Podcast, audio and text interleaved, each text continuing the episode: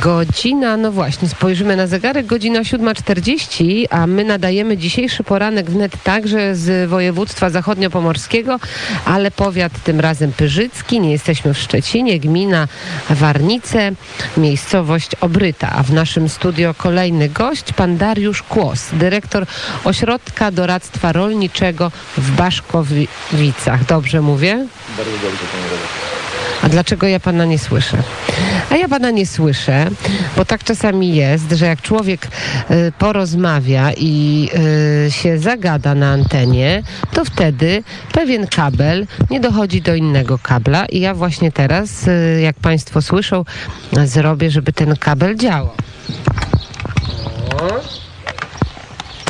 Tak. I teraz już się słyszymy. Jeszcze raz, pan Dariusz Kłos. Dzień dobry. Dzień dobry. E, Ośrodek Doradztwa Rolniczego to jest e, ośrodek, e, który powinien bardzo mocno pomagać rolnikom. I czy tak się dzieje, bo różne głosy się słyszy. Znaczy nie wiem, jakie głosy się słyszy, natomiast Ośrodek Doradztwa Rolniczego w Błaszkowicach, ale myślę, że w całym kraju ośrodki doradztwa rolniczego służą rolnikom i to na szerokiej płaszczyźnie, bo naszym hasłem przewodnim jest e, pomagamy, doradzamy, szkolimy. To wszystko w naszym ośrodku się dzieje. Oczywiście troszeczkę to zostało naruszone przez COVID-19, ale spokojnie wracamy do e, toku normalnej działalności firmy, także myślę, że na jesień już będziemy pełną piersią pracować. Jak e, wygląda sytuacja rolników tutaj w województwie zachodniopomorskim? Jak, e, jak susza dotknęła tę ziemię? To jest kolejny rok, pani redaktor, szanowni państwo, gdzie w naszym województwie ta susza występuje. Mieliśmy lata 18, 19, teraz mamy rok 20. Co prawda na szczęście ostatnie deszcze e, czerwcowe, nawet majowe jeszcze spowodowały, że jednak e, ta susza nie jest tak dotkliwa jak w, roka, w latach e, poprzednich. Natomiast faktem jest, że rolnicy do nas zgłaszali się i zgłaszają się nadal z problemami suszowymi, ale także z problemami z przymrozkami, które wystąpiły w okresie maj-kwiecień. W ostatnim czasie, w ostatni weekend przeszły też nad naszym województwem, nawet nad powiatem e, stargardzkim e, gradobicia, więc to też jakby do nas tutaj w tej chwili spłynęło. Nasze komisje działają w terenie. Wiemy dobrze, że jest teraz aplikacja, która rolnikom e, w internecie pomaga składać wnioski suszowe, jak na razie. Także ośrodek na tym etapie właśnie się tymi sprawami zajmuje. Jak się rozmawia z rolnikami, to mówią oni, że nie dostali części odszkodowań jeszcze za rok 2019, a tutaj już trzeba się starać o te z tego roku. Szanowni Państwo, Pani redaktor, też do nas dochodzą takie informacje, że część rolników jednak czeka da, nadal na e, e, odszkodowania za ubiegły rok. Ja myślę, że to głównym aspektem jest niestety, powtarzam konkretnie COVID-19, który spowodował, że państwo e, poszło w kierunku ratowania nie tylko gospodarki, ale przede wszystkim miejsc pracy. Stąd pewnie jakieś przesunięcia finansowe. Natomiast ja po raz kolejny uspokajam rolników. E, Trochę cierpliwości. Ja wiem, że to jest trudno czekać na pieniądze, które są bezwzględnie potrzebne. Ale jeszcze trochę cierpliwości i myślę, że w najbliższym czasie rolnicy, mm, wszyscy ci, którzy czekają, te pieniążki na konta otrzymają.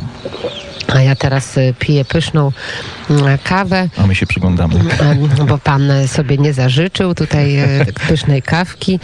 Mm, Ja zapytałam dlatego mm, o to doradztwo rolnicze w kontekście wyników badań, które opublikował, raportu, który opublikowała Najwyższa Izba Kontroli, która dosyć krytycznie mm, wypowiedziała się o ODR-ach, że są to usługi niedostosowane do potrzeb, a co najbardziej istotne, że prywatny sektor zaczyna wchodzić w uprawnienia ODR-ów, że to prywatni doradcy coraz częściej pojawiają się na rynku. Znaczy, to są fakty, pani redaktor, szanowni państwo. Raport Nikowski oczywiście odnosi się, może nie krytycznie, ale odnosi się z dużymi jakby uwagami co do działalności ośrodków doradztwa rolniczego.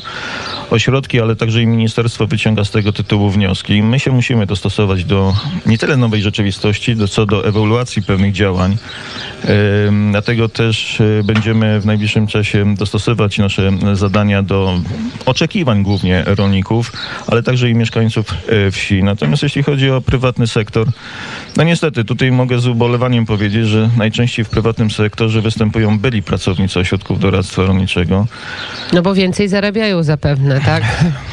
Znaczy ja nie chciałbym polemizować, czy oni więcej zarabiają, czy nie, bo nawet nie wiem, ile zarabiają.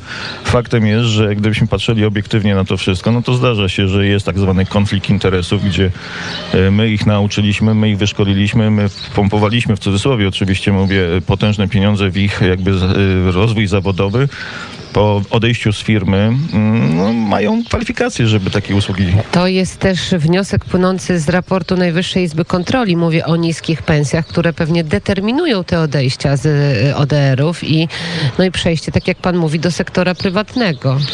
Panie redaktor, na przykładzie Zachodniopomorskiego Ośrodka odeszło mm, od początku 2016 roku, odkąd ja jestem w ośrodku, odeszło 10 osób na tak zwaną działalność e, prywatną. Z tych 10 osób przynajmniej kilka osób zgłaszało się do mnie już później, czy do nas generalnie, e, że chcieliby wrócić. To różnie bywa z tymi różnie. E, mhm. ludźmi. Także no, faktem jest, że szukają ludzie możliwości no, zarabiania tych. Oczywiście, jak też spojrzymy na dane, na, na statystyki, to w 2018 roku to są te najświeższe informacje. W zachodniopomorskim tylko 22% gospodarstw rolnych skorzystało z mm, usług ODR, 70% korzysta z prywatnych firm. To jest w rzeczywistości tak, te dane? Aż tak, aż tak niekorzystnie to wygląda? Mm, ja bym, się, ja bym polemizował na temat tych mhm. danych, dlatego że pewne działania ewoluują i pewne działania są e, różnymi działaniami, tak?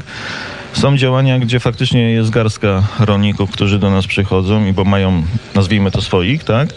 Ale jest gro rolników, którzy się do nas zgłaszają po różnego rodzaju pomoc, podpowiedzi, konsultacje. Więc gdybyśmy przeanalizowali cały cykl współpracy z rolnictwem, to tak czarno nie wygląda, jak tutaj jest napisane. Mm, pan powiedział e, o suszy, mówił pan o odszkodowaniach. E, jak e, procentowo dotknęła susza ten region? Mówię o, zacho o zachodnim Pomorzu? Czy to można jakoś już szacować, jakiego rzędu są straty? Pani redaktor, szanowni państwo, trudno dzisiaj powiedzieć y, o procentach, jeśli chodzi o wystąpienie suszy, ponieważ akcja składania wniosków dopiero, tak powiem, krótko ra raczkuje. To wychodzimy A w na zeszłym roku jakiego rzędu to były straty? Były duże straty, do 70% nawet, więc to wszystko zależało od miejsca, od gospodarstwa, od y, warunków y, glebowych. Było od 30 paru procent do 70, ponad 70% e, strat w gospodarstwach, także to były duże straty.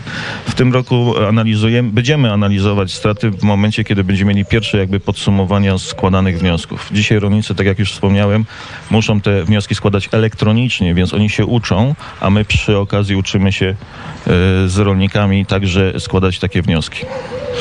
E, I jeszcze zapytam się pana o taką sprawę, może nie wiem, czy ODR się tym zajmuje, ale ja się o to dzisiaj sukcesywnie pytam. Jak jest z nasionami GMO?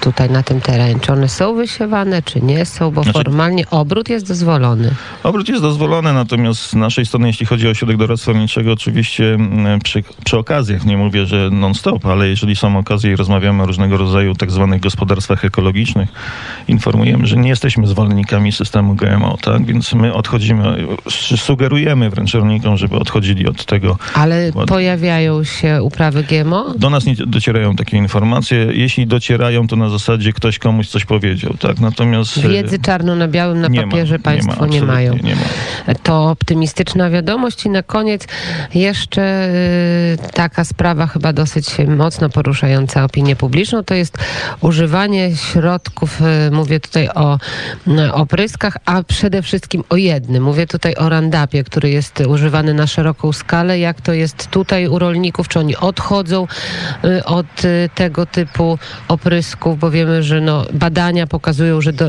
bardzo szkodliwy wpływ ma na i roślina, a później w konsekwencji na żywność.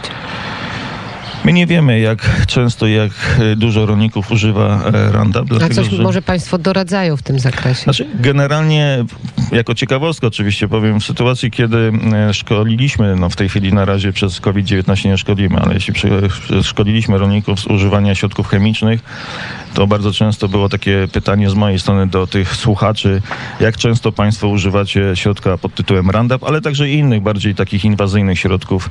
Muszę powiedzieć Państwu i Panie redaktor, że nie było specjalnych tutaj informacji od, ze strony rolników. Tak, używamy jakoś nagminnie, czy w takich sytuacjach, a wręcz przeciwnie. Miałem wrażenie i odnoszę wrażenie, że gro rolników odchodzi od takich środków Jest pan za tym, żeby zakazać używania Roundupu w Polsce? Jestem ostrożny w tej kwestii, tak? Dlaczego? To, to znaczy, z chwastami jest trudna, jakby tru, trudny bój, tak? Więc y, trzeba albo byłoby wymyślić coś, co będzie alternatywną do, dla an, e, Roundupu i to spowoduje ewentualnie przejście na inny system bardziej bezpieczny. W sytuacji, kiedy rolnik naprawdę jest zdeterminowany i musi y, podjąć jakieś działania, no to faktycznie zostaje ten Roundup. Ale proszę pamiętać, że Roundup też można w odpowiedni sposób rozcieńczyć i on jest wtedy mniej jakby tutaj inwazyjny dla roślin. I jeszcze ostatnie zdanie, naprawdę ostatnie, jak dużo jest gospodarstw ekologicznych tutaj w województwie zachodniopomorskim? Nie ma dużo gospodarstw ekologicznych. Jest to głównie powiaty są e, szczecinecki i tam powiedzmy wschodnia część województwa, ale to nie jest jakiś tutaj jakaś skala potężna. Robimy cały czas, czy próbujemy cały czas szkolić naszych rolników. e, Robimy wyjazdy studyjne do innych regionów Polski, gdzie te rolnictwo ekologiczne jest e, w większym zakresie prowadzone. Oby tych gospodarstw ekologicznych było coraz y, więcej, bo przecież zdrowa żywność jest najważniejsza. I tego się trzymajmy. Dariusz Kłos, dyrektor Ośrodka Doradztwa Rolniczego mm, w Baszkowicach, był gościem poranka wnet. Bardzo dziękuję. Pozdrawiam, dziękuję. 7.51 i zaraz na naszej antenie wiceprzewodniczący Sejmowej Komisji Rolnictwa Jarosław Sachajko.